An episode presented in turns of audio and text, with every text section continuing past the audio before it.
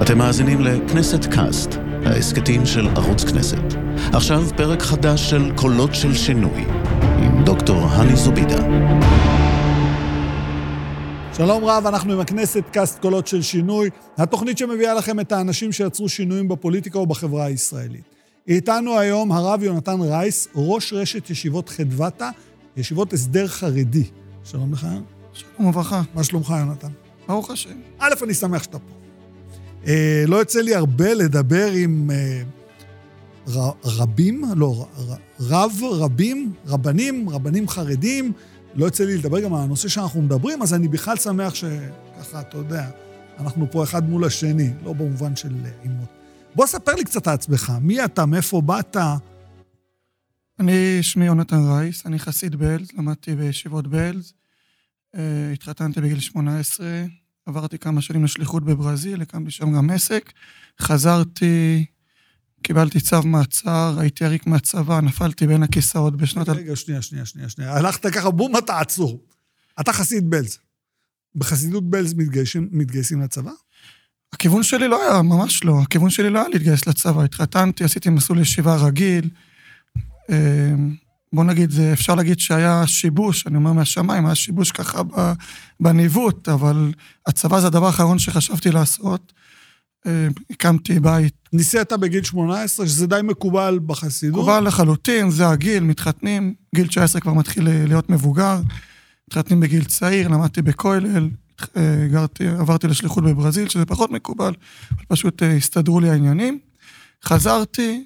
לארץ. לארץ. אתה נשוי. ילדים? ילדים, שלושה ילדים, ולמדתי, חזרתי לכולל חזרה, במקביל לעיסוקים שלי האחרים שעשיתי, ופתאום הגיע לי יום אחד צו, אה, צו גיוס. אמרתי, בטח זה בדיחה, מה צו גיוס? אני כבר בן 26, זה לא נראה לי רלוונטי. אבל uh, הגעתי ללשכה, אמרתי, טוב, בסדר, בטח הם יראו אותי, הם ישחררו אותי. אמרו לי, תשמע, יש לך תאריך גיוס. חשבתי, שכחתי מזה, אני זוכר, זה היה בית ניסן באפריל, אם אני לא טועה, באפריל 2014. באותו יום טסתי לחו"ל, כי לא ייחסתי לזה חשיבות, חזרתי, עצרו אותי, והשאר היסטוריה. עצרו בכניסה לארץ. עצרו אותי בכניסה לארץ. שבעצם מה הטענה שעוצרים אותך בכניסה לארץ? שאני עריק, אני מחויב בגיוס. זאת אומרת, היה לך תאריך גיוס, לא הגעת, כנס לבית סוהר. ישבתי יומיים במעצר, אחרי זה הבנתי שאני לא יכול להשתחרר, אמרתי, אם אני כבר פה, אני אעשה שליחות בתוך הצבא. ומ-2014, בעשר שנים האחרונות, זה המפעל חיים שלי, זה הפרויקט שלי, וזה העיסוק ה... אני חייב רגע לשאול אותך, תראה, יונתן, בוא, בוא, בוא רגע נשאל. אנחנו די שונים, רואים עלינו שאנחנו שונים, כן? א', אני יותר מבוגר ממך. יש לי עליך איזה 20... אמרו שגיל זה מום עובר. כן, זה גם נכון, אבל אתה יודע, בכל זאת. אבל יש לנו גם, לדעתי, ברמה הבסיסית בחינוך בינינו, גדלנו באופן שונה, באותו מקום. אתה חסידות בלז, יש חסידות בלז גם ליד שנקין.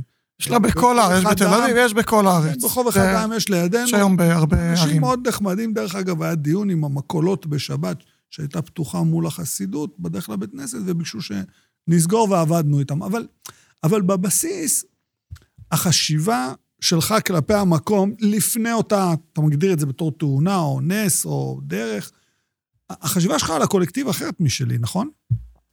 תראה, יש פה מלחמת תרבות במדינה.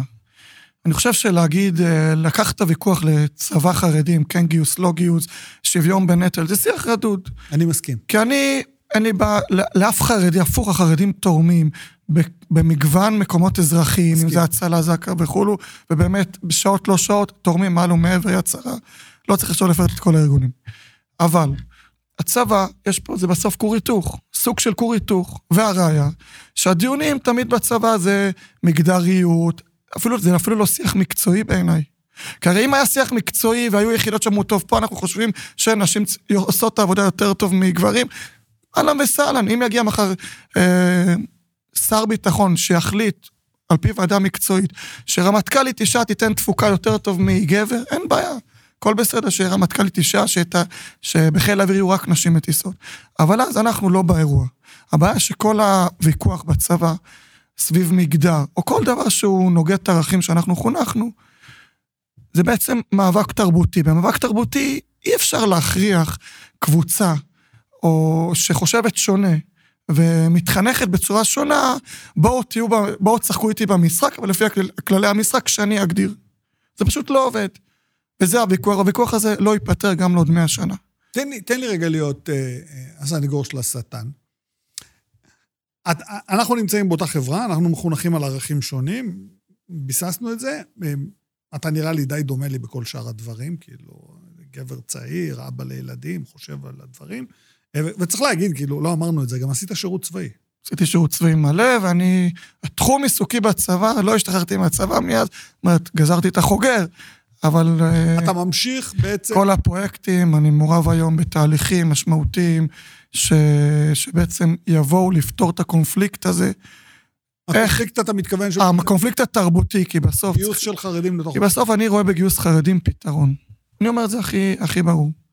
הלכתי, הקמתי ישיבת הסדר חרדים כי הבנתי, בסוף, אם רוצים לגייס חרדים, צריך להקים להם מסגרת, איזשהו גשר, שאני קורא לזה גשר בין החרדיות לישראליות. כי אתה לא יכול להוציא בחור שלמד בישיבה, גם אם הוא כבר לא לומד בישיבה, וגם אם הוא בדרך לנשור החוצה, ולא מתאים לו, זה שלא מתאים לו העולם החרדי, זה עוד לא אומר שהוא ישתלב בחברה החילונית, או שהוא ישתלב בצבא, שהוא צבא חילוני. אז מה שבאתי ועשיתי, הקמתי מסגרת שבעצם ברגע שבחור עוזב את הישיבה, אנחנו לא נכנסים לשווק בתוך ישיבות, או בכל הדברים האלה. מישהו בישיבה... הורים לא פונים אלינו, רבנים, מחנכים פונים אלינו, שמעו על הפתרון שלנו. בעצם בחור מגיע בגיל 17, עכשיו עוד שבוע מתחיל שנת, מתחילה שנת הלימודים, קרוב ל-100 תלמידים הולכים להתחיל את השנה, חדשים. חצי יום תורה, חצי יום מקצוע סייבר, השלמת בגרויות, כל הדברים האלה, שלוש שנים. לימודי ליבה. בוני, לא רק ליבה, הם לומדים גם תואר ראשון במדעי המחשב, או הנדסאי תוכנה, בשיתוף פעולה עם הצבא. במהלך השלוש שנים אנחנו בונים להם את הזהות החרדית, מה המשמעות של חרדי בצבא, חרדי שבעצם עכשיו החליט שהעולם החרדי הקלאסי, רק התורני, השטנץ הזה לא מתאים לו כי זה לא מתאים לכולם, איך הוא יכול להתמודד עם האתגר של הצבא, כי בסוף בשבילי הצבא זה אתגר. אתה חייב רגע לעזור לי, תראה, בתור חילוני, תסביר לי מה, מה עובר על גבר חרדי צעיר, שמתחנך בישיבה ואז מגיע לאחד מהמוסדות שלך, שהם בעצם הדרך לשילוב, בוא נקרא להם הגשר לשילוב. מה עובר עליו? מה, מה הבעיות המרכזיות כשהוא מגיע לצבא? אני אקח שנייה את הקצה. אותו בחור לפני הישיבה היה מגיע, נשר מהישיבה, היה מגיע לנצח יהודה או לכל... אה, שזה הגדוד היהודי לחרדים. הוא היה חוטף אחר מים את הכאפה של החיים, כי הוא לא רגיל למשמעת כל כך נוקשה. כל האווירה סביבה זרה לו. הוא לא חונך, הרי בחור חילוני, צעיר חילוני, יש, כשהוא מתחנך כבר, הוא, הוא מתווים לו מסלול מסודר, הוא כבר יודע לקראת מה הוא הולך, גם אם יש אתגרים וקשיים במהלך השירות הצבאי, אבל הוא היה מוכן לזה, הוא הבין פחות או יותר למה הוא הולך. יש מכינות, סרטים, יש חברים. נכון. פה בחור חרדי מגיע, סביבה זרה לחלוטין, משמעת, אווירה שהוא לא הכיר, לא מכיר. אם הוא חשב שהמשגיח בישיבה זה הדמות הכי קשוחה, פתאום הוא קולט שהמפקד, שהוא יכול להיות צעיר ממנו בשלוש שנים, עושה לו בית ספר של החיים ואין לו לאן לברוח. עכשיו, מצד שני, בהרבה מקרים המשפחה, יכול להיות שהיא לא, רובם לא זורקים מהבית. זה תופעות, תופעות בשוליים שנער נזרק. אבל מלכתחילה גם אני מחנך את הילד שלי ללכת לישיבה, לימוד התורה זה הכי חשוב. גם אני לא חושב שלכתחילה אני רוצה שהוא ימצא את עצמו בצבא. וגם ההורה מוצא את עצמו באיזשהו קונפליקט חינוכי, כי יש לו עוד ילדים, ואומר, רגע, אז מה, מצד אחד, בסדר, אני מבין שהבן שלי עכשיו נמצא במקום שהכי טוב במצב הנתון, אבל איך אני משדר לו את זה? האם, כי הרי יש לי עוד ילדים בבית שאני מחנך לדרך שונה, יש פה קונפליקט מאוד משמעותי. בעצם, ואז אם הוא היה מגיע בלי, בלי גשר, בעצם איך שמדברים על פי, על פי אה, גיוס חרדים, שוויון בנטל, שזה לא רלוונטי, כי הבחור מגיע, הוא לא יעיל לצבא, הוא, הוא, אין לו את הגב, את העורף המשפחתי, במאה אחוז. אין לו, אין לו, הצבא גם עם כל הכבוד, הצבא הוא לא, הוא לא מקום שבא לתת אה, מטען רגשי לנערים שצריכים. הצבא בא לתת טכני, לנצח במלחמה. אז לא תמיד המפקדים עושים מעול ומעבר, יש שם אנשים נהדרים שרוצים לתת עזרה, אבל לא תמיד הם יודעים לתת את המענה הנכון לאתגר של הצעיר החרדי הזה, שכרגע הגיע מהישיבה ומגיע למקום חדש שהוא לא יודע מה זה. בעצם זה הבשורה, ואני חושב שגם היום באגף כוח אדם בצבא, וגם בדרגים המקצועיים מבינים, שהדרך הנכונה לפתור את הקונפליקט הזה, זה לפתוח קשרים, כמו שהמדינה עשתה בתעסוקת חרדים. פתחו ארגוני מפתח, מכלול, דברים שהם בעצם יהיו הגשר לתעסוקה. כי אברך שיוצא מהכולל, אין לו מושג מה הוא עושה על מנת להשתלב בשוק התעסוקה. אותו דבר, מה שהבשורה היא, בעצם מי, ש... מי שרוצה, מי שהרבנים שלחו אותו לשם, מי שהבינו שזה הפתרון הנכון במצב הנתון, בחור מגיע, קודם כל, בונים לו בישיבה משמעת, בונים לו זהות, בונים לו זהות חרדית. בעצם מסבירים לו, ליאור, אתה הולך עכשיו למקום. שהוא זר, אתה יכול להיות שגריר, אתה יכול לעשות קידוש השם שם. אתה לא צריך לבוא להחזיר, אתה לא, השליחות שלך אתה לא להחזיר בתשובת הצבא. אבל להעיב, לקדש שם שמיים זה להעיב את המקום שממנו באת ל- ל- לאנשים זרים. אתה מדבר כבר כמה דקות, ואני מאוד נהנה לשמוע אותך, ולא אמרת את המילה שהיא בעצם חזות הכל בקטע של השילוב חרדים בצבא. אמרת משפחה, אמרת משמעת, אמרת קושי הסתגלות, אמרת קושי לעבור ממערכת למערכת, לא אמרת נשים גברים. לא אמרת מגדר. לא נכנס לתוך הדיון. ו- ואם אתה תשאל, רוב האנשים יגידו לך, כן, חרדים, הם, דבר ראשון, תן להם, סדר את העניינים מול נשים. יכול להיות שמשהו פה בתרגום בין, בין האוכלוסייה החילונית לאוכלוסייה החרדית נאבד בדרך? לא, אז אני אסביר. אני נכנס פה לשדה הכי מורכב, שיש לי על זה ויכוח כל היום, גם עם מחנכים ורבנים, ואני בסוף עשיתי שלוש שנים את הצבא. איך אני חי את התחום הזה, ואני אומר ככה, ברור שאני מאוד שמח על גדודים חרדים, אם זה גדוד נצח יהודה שהוא גדוד מגדרי, אבל זה לא חזות הכל. היום יש את המכשיר הקטן שקוראים לו סמארטפון. בחור בישיבה, אם הראש שלו לא שקוע בתורה, ימצא את הבחורה גם בתוך הישיבה, אם יש לו סמארטפון. זאת אומרת, הסמארטפון בעצם פרץ את הגדרות. אם פעם, בשביל לשמר את החברה החרדית, היינו צריכים לבנות חומה פיזית, היום זה לא יעזור החומה הפיזית, כי בעצם יש לך את המכשיר הקטן שאין על זה שליטה. כל נער שירצה, זה בר השגה מאוד בקלות, ויהיה לו את זה. הרעיון שלנו, אנחנו דורשים מהצבא שישים גדרות, שיהיה מגדרי. אבל אני לא סומך, לא כי אני לא סומך על הצבא, כי אני לא חושב שאם נשים גדרות, זה יהיה הפתרון. זה המטרה שלנו, שלוש שנים אנחנו בונים לו את הזהות. בונים לו את, את הערכים, שדרך אגב, בישיבה פחות מדברים על זה. כי בישיבה מקדישים את הזמן ללימוד תורה, כי אין אתגרים אחרים, אז חבל לפתוח. כי מראש אין את מראש הדינמיקה. אין את המגדריות. אבל זה נשמע כאילו אתה אומר, ותקן אותי אם אני טועה, יונתן, כאילו, תרגיש בנוח. אתה אומר, תשמע, הני, יש לנו בעיה, אנחנו רואים את העולם בצורה אחרת מכם, זכותנו, אבל אנחנו גם מבינים שאי אפשר לנטרל את העניין הזה. הצבא הוא צבא חילוני. אני לא, אני, כשאני אבל הולך מה לצבא- שאתה אומר, שזה מדהים בעיניי, אתה אומר, אני יודע את זה, אני מחנך את הילדים להבין מה עומד בפניהם, כדי שילמדו. כשאתה אומר חיזוק הזהות הדתית שלהם, זה, זה חלק מאותו מכלול. אני נותן לו בעצם את הרישיון נהיגה. אני אומר, הצבא זה כמו, אתה הולך לנסוע עם רכב. אם יש לך רישיון, אתה יכול להגיע למחוז חפצך. אם יש לך רישיון, אתה יכול לעשות, לרסק את הרכב טוטולוס ולמצוא את עצמך במקום שלא היית רוצה למצוא את עצמך במצב הנתון הזה. בעצם מה שאנחנו עושים, אנחנו דורשים מהצבא הפרדות וגדרות ושיעורים, הכל טוב. אבל אני לא מתבלבל, הצבא הוא צבא חילוני. אני לא אשנה את הצבא. אני מעדיף, במקביל למה שאני מבקש מהצבא, אני מעדיף לשים את הכובד האחריות עלינו, לתת לתלמידים רישיון, להעמיד אותם בפני האתגרים, לחשוף אותם לכל הדברים, כי הם כבר הגיעו, כי הם כבר נמצאים במצב שונה. הם לא נמצאים בישיבה סגורה. הם חצו את הגשר, וההורים ההורים רצו, הכל בסדר. זה, דרך אגב, בגלל זה אני משדר פתרון, אני לא משדר אידיאולוגיה. אני לא חושב שאנחנו, שבגלל שוויון בנטל, כי למישהו זה אכפת, כי אני יודע להתמודד גם עם הטיעונים האלה. לא, ש- שוויון בנטל אני זה אמירה ריקה אני מתוכן. מבין היום, עזוב. דרך אגב, גם לפני השואה לא היו כל כך הרבה ישיבות. יש, ברור שכשהציבור גדל, אנחנו מדברים כמעט על מיליון נפש, אי אפשר לפרמט את כולם בתבנית מסוימת. לא כולם אנשי רוח. והיום ילד שאתה לא נותן לו פתרון אמיתי, הוא פשוט מהר מאוד ייקלע לסמים, לנשירה, לדברים שאנחנו לא רוצים למצוא את עצמם. אתה חיית גם בחו"ל, נכון? בברזיל. ברזיל. אני הייתי בניו יורק, ובניו יורק, אתה, אתה יודע, אתה כן. מכיר, קראון הייטס, בורו פארק, יש לך בניו יורק, בלואר איסט סייד יש קהילות.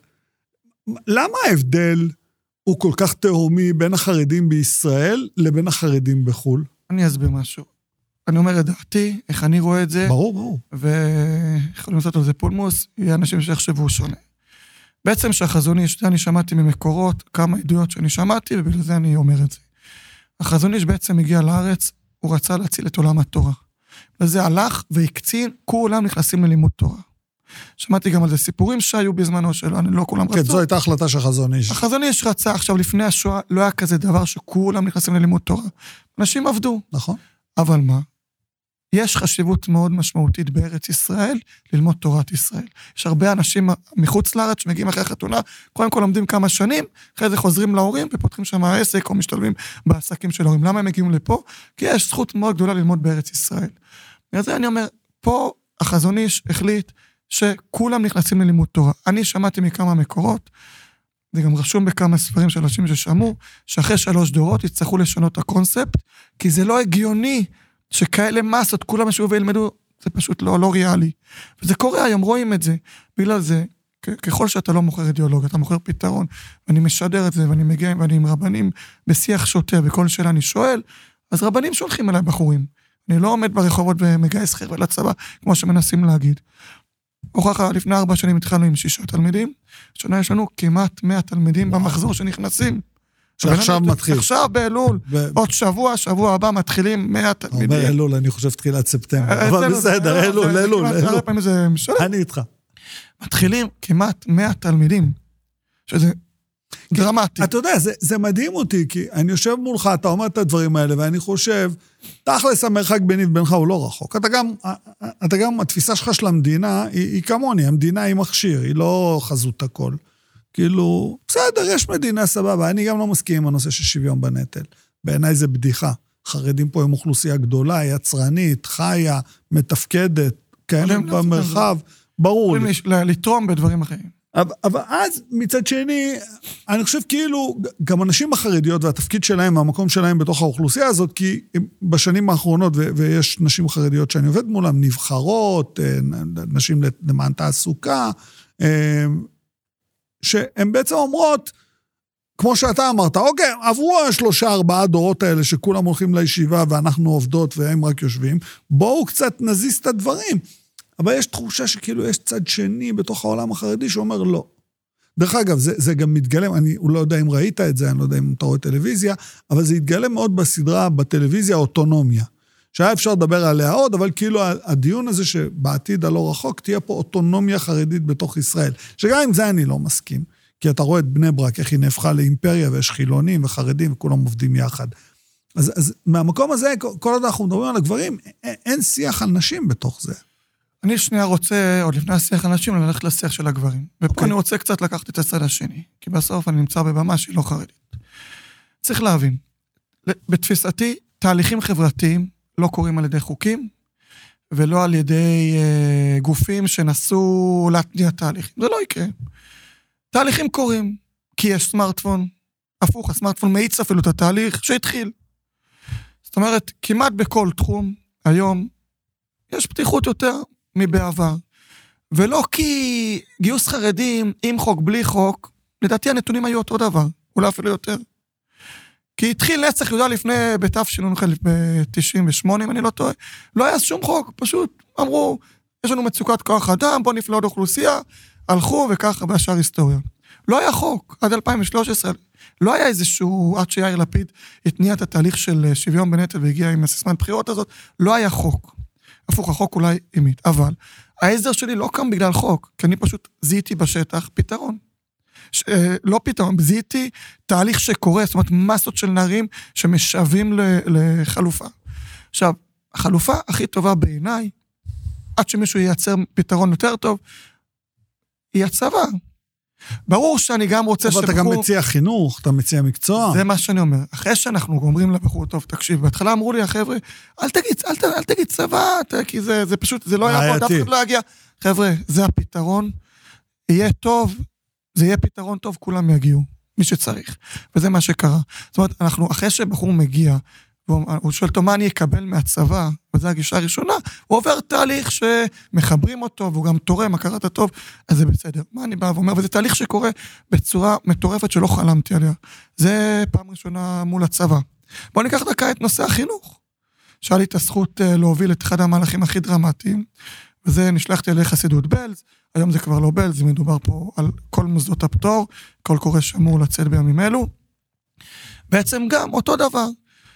מנסים כל פעם להכתיב לנו, או שתהיו ממלכתי, תקבלו את מלוא התקציב, או שכלום, תהיו פטור, תמשיכו לקבל את ה-30 אחוז ואל תתקדמו. בסדר, אז השיח הזה לא הביא אותנו לשום דבר. אני באתי למשרד החינוך, אמרתי, חבר'ה, ממלכתי לא נהיה, כי עצמאות חשובה, זה בציפור הנפש של הציבור החרדי. עכשיו, על היעד, אין לנו שאלה, שעה וחצי לומדים אצלנו כבר שנים, גם אני למדתי שעה וחצי לימודי חול בחיידר כל יום. במקום להעתיק סיפורים, או סתם uh, ללמוד uh, לוח הכפל, כי יותר מזה גם המורה כמעט לא ידע, בואו נעשה, בשעה וחצי, נעשה את זה מקצועית, ביחד עם הרבנים, עם תכנים שיותאמו.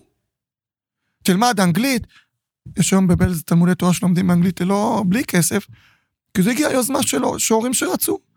תלמד מתמטיקה, במקום לכתוב יוסי רץ אחרי הכדור, תביא תכנים שמתאימים. אבל אני חושב שזה לא רק מתמטיקה ואנגלית, אני חושב שגם מדברים על סוציאליזציה. הם גם מדברים על להיכנס ברמת תכנים שיקרבו אותך להיות יותר כמוני. לא ש... בלי שיפוט ערכי כרגע, אני רק אומר לך, כאילו, שתהיה יותר קרוב אליי. ש... שתלמד על היסטוריה של עם ישראל, אבל המודרנית, לא מה שאתם מלמדים. אז כרגע זה לא מדובר, משרד החינוך... לא, אני חושב שזה כאילו... אני לא, תראו, אנשים אומרים לי, תראה, היום אתה פותח פתח, עוד 20 שנה ייפרץ. אז היום יש אתגרים, אנחנו מנסים להתמודד מול האתגרים. אני לא, אני לא יודע, ואתה לא יודע, ואף אחד לא יודע, ולא אנשים שטוענים שבגללך הציבור החרדי משתנה. לא, לא, לא, לא בגללך, אני, אני מדבר... לא, כ... כרגע, כרגע העניין הוא טכני. טכני החינוך, בלבד? אפשר להגיד שהשר גדעון סער ודלית שטאובר הבינו שיש פה עכשיו מסה של אנשים... דאז. היום, היום, עכשיו. לא, עכשיו זה אה, יפעת אה, ביטון... יפעת שאשא ביטון, היא פחות התעסקה עם חרדים, אבל כן. גדעון סער ודלית שטאובר הובילו את המהלך, כן. ברור שיפעת שאשא ביטון, עם, בברכתה וביוזמתה, אני אומר, גדעון סער ודלית שטאובר הבינו שיש פה כרגע הזדמנות שציבורים חרדים גדולים אומרים, אנחנו מוכנים, אם, אם תושיטו לנו יד, אנחנו מוכנים קצת, קצת, קצת להכניס תכנים כמובן, הכל יעבור סינון ברבנים, ומבחינת משרד החינוך אומרים, תקשיבו, אם בסוף זה יעזור להם להשתלב בתעסוקה, אותו דבר משרד האוצר, אז הם רוצים ללמוד מתמטיקה, אנגלית ועברית, אנחנו נעשה את זה כרגע. אנחנו, לא מדובר על דברים אחרים ולא מדובר על תכנים אחרים. מדובר על, על סל כלים שהחרדים יוכלו להשתלב באופן מיטבי, מי שרוצה, בשוק התעסוקה. איפה בעולם החרדי יש התנגדות למהלך הזה? מי, מי המתנגדים המרכזיים? קודם כל, יש דגל התורה, שבעיניי זה יותר אה, שליטה של החינוך העצמאי במעיין החינוך התורני. מזיזים להם את הגבינה, אף אחד לא שמח מזה. אה, אבל בסוף זה פחות רלוונטי, כי אם יש רבנים, אה, אם זה אדמו"ר מבעלז שהחליט ללכת על המהלך, ואם זה רבנים אחרים שיורו לקהילות שלהם. דרך אגב, יש גם בציבור הליטאי אנשים שפנו וישבו עם גורמי המקצוע שזה מעניין אותם. ככל שרב, רבנים... אבל עדיין לא נכנס לשם, התוכנית לא נכנסה לשם. זה אמור להתפרסם עכשיו, והכל קורה תוך חודש, חודשיים, זה אמור לצאת לביצוע. אני מאמין שזה יצא היום, כבר מחר, אחרי מחר. התוכנית הזאת זה כבר נחתם, משרד האוצר והחינוך כבר חתמו על הסיכומים. אבל ברעיון, כל רב שיחליט מה הוא רוצה, מה הוא לא רוצה, ברגע שהרב החליט, אז זה לא רלוונטי מה השני אומר, יש לי את הרב שלי, ואותו אני שואל. ודרכו אתה עושה את הדברים. הפערים בינינו, הם גדולים או הם קטנים? כי אתה, לך יותר קל להסתכל, כאילו, אתה זה שהיית צריך להשלים את הפער. הפערים בינינו הם קטנים, כי אני אף פעם לא הלכתי לכיוון עולם התורני, אני מודה.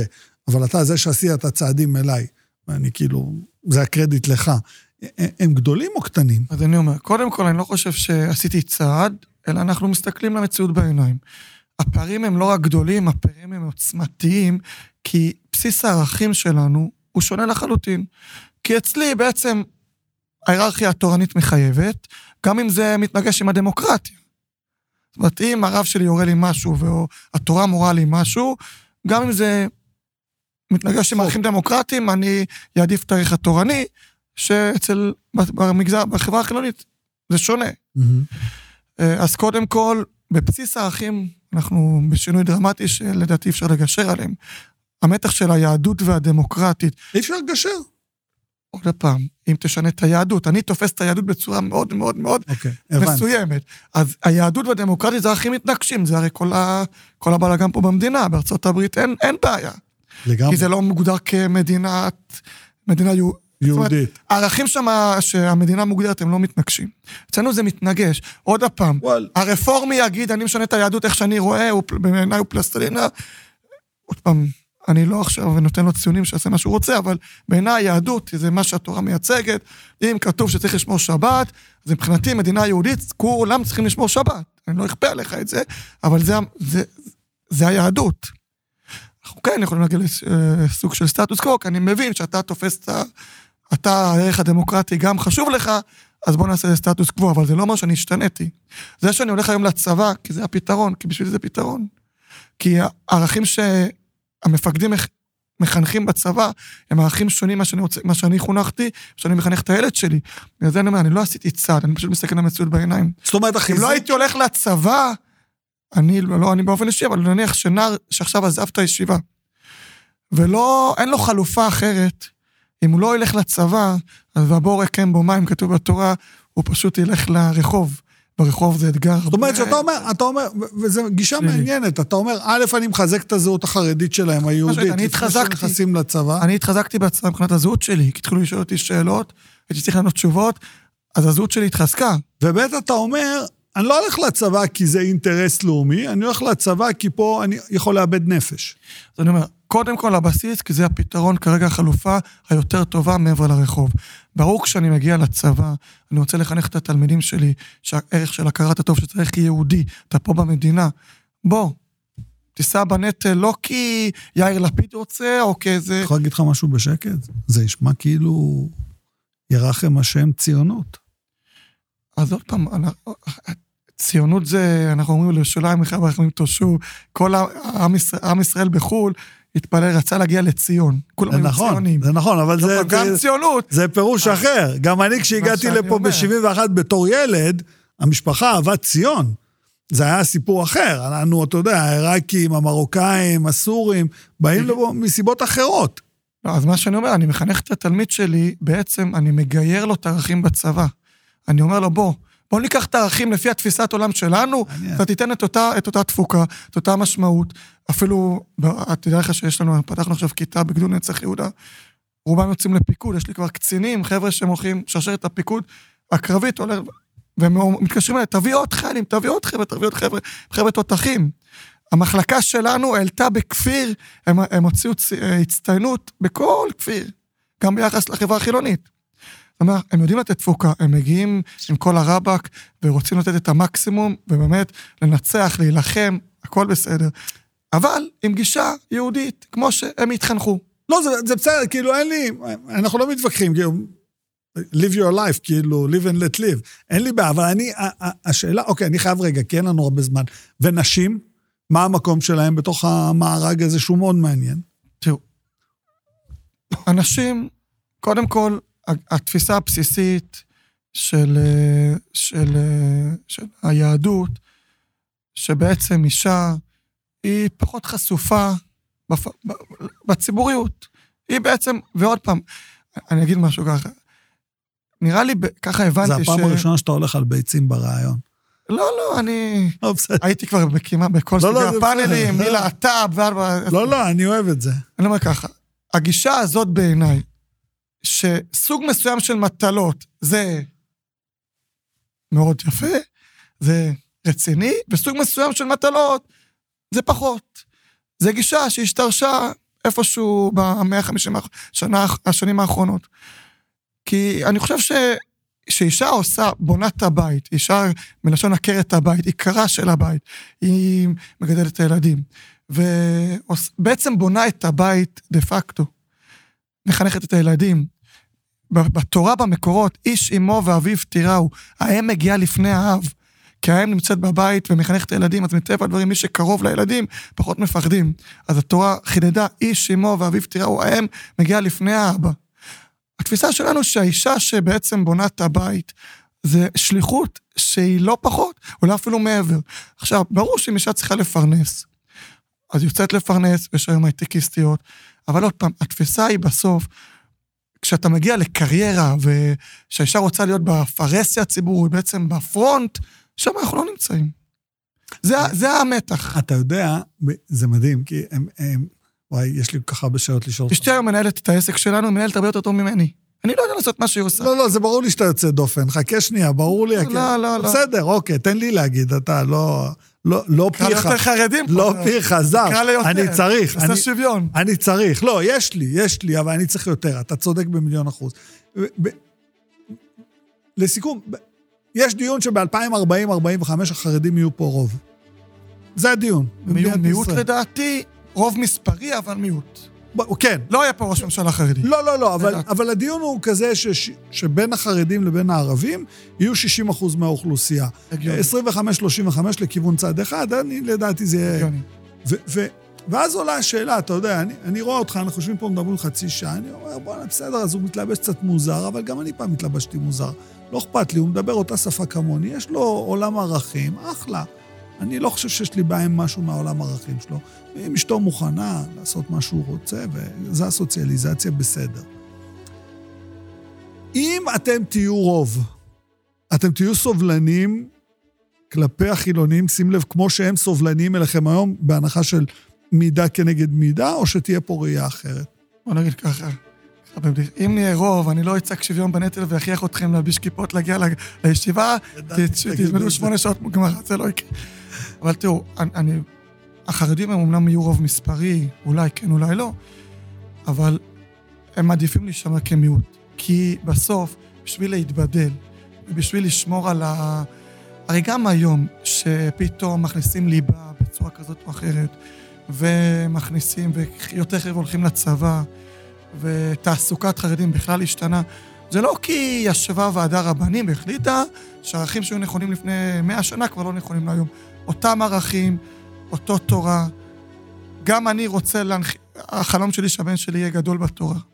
אבל בסוף, אנחנו כן רואים את המציאות בעיניים, וצריכים להביא גם לחם הביתה, וצריכים למצוא פתרונות לנערים.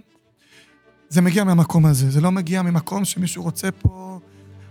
עוד יותר, אתם רואים שיהדות התורה נמצאת על שבע מנדטים מאז שאני זוכר את עצמי.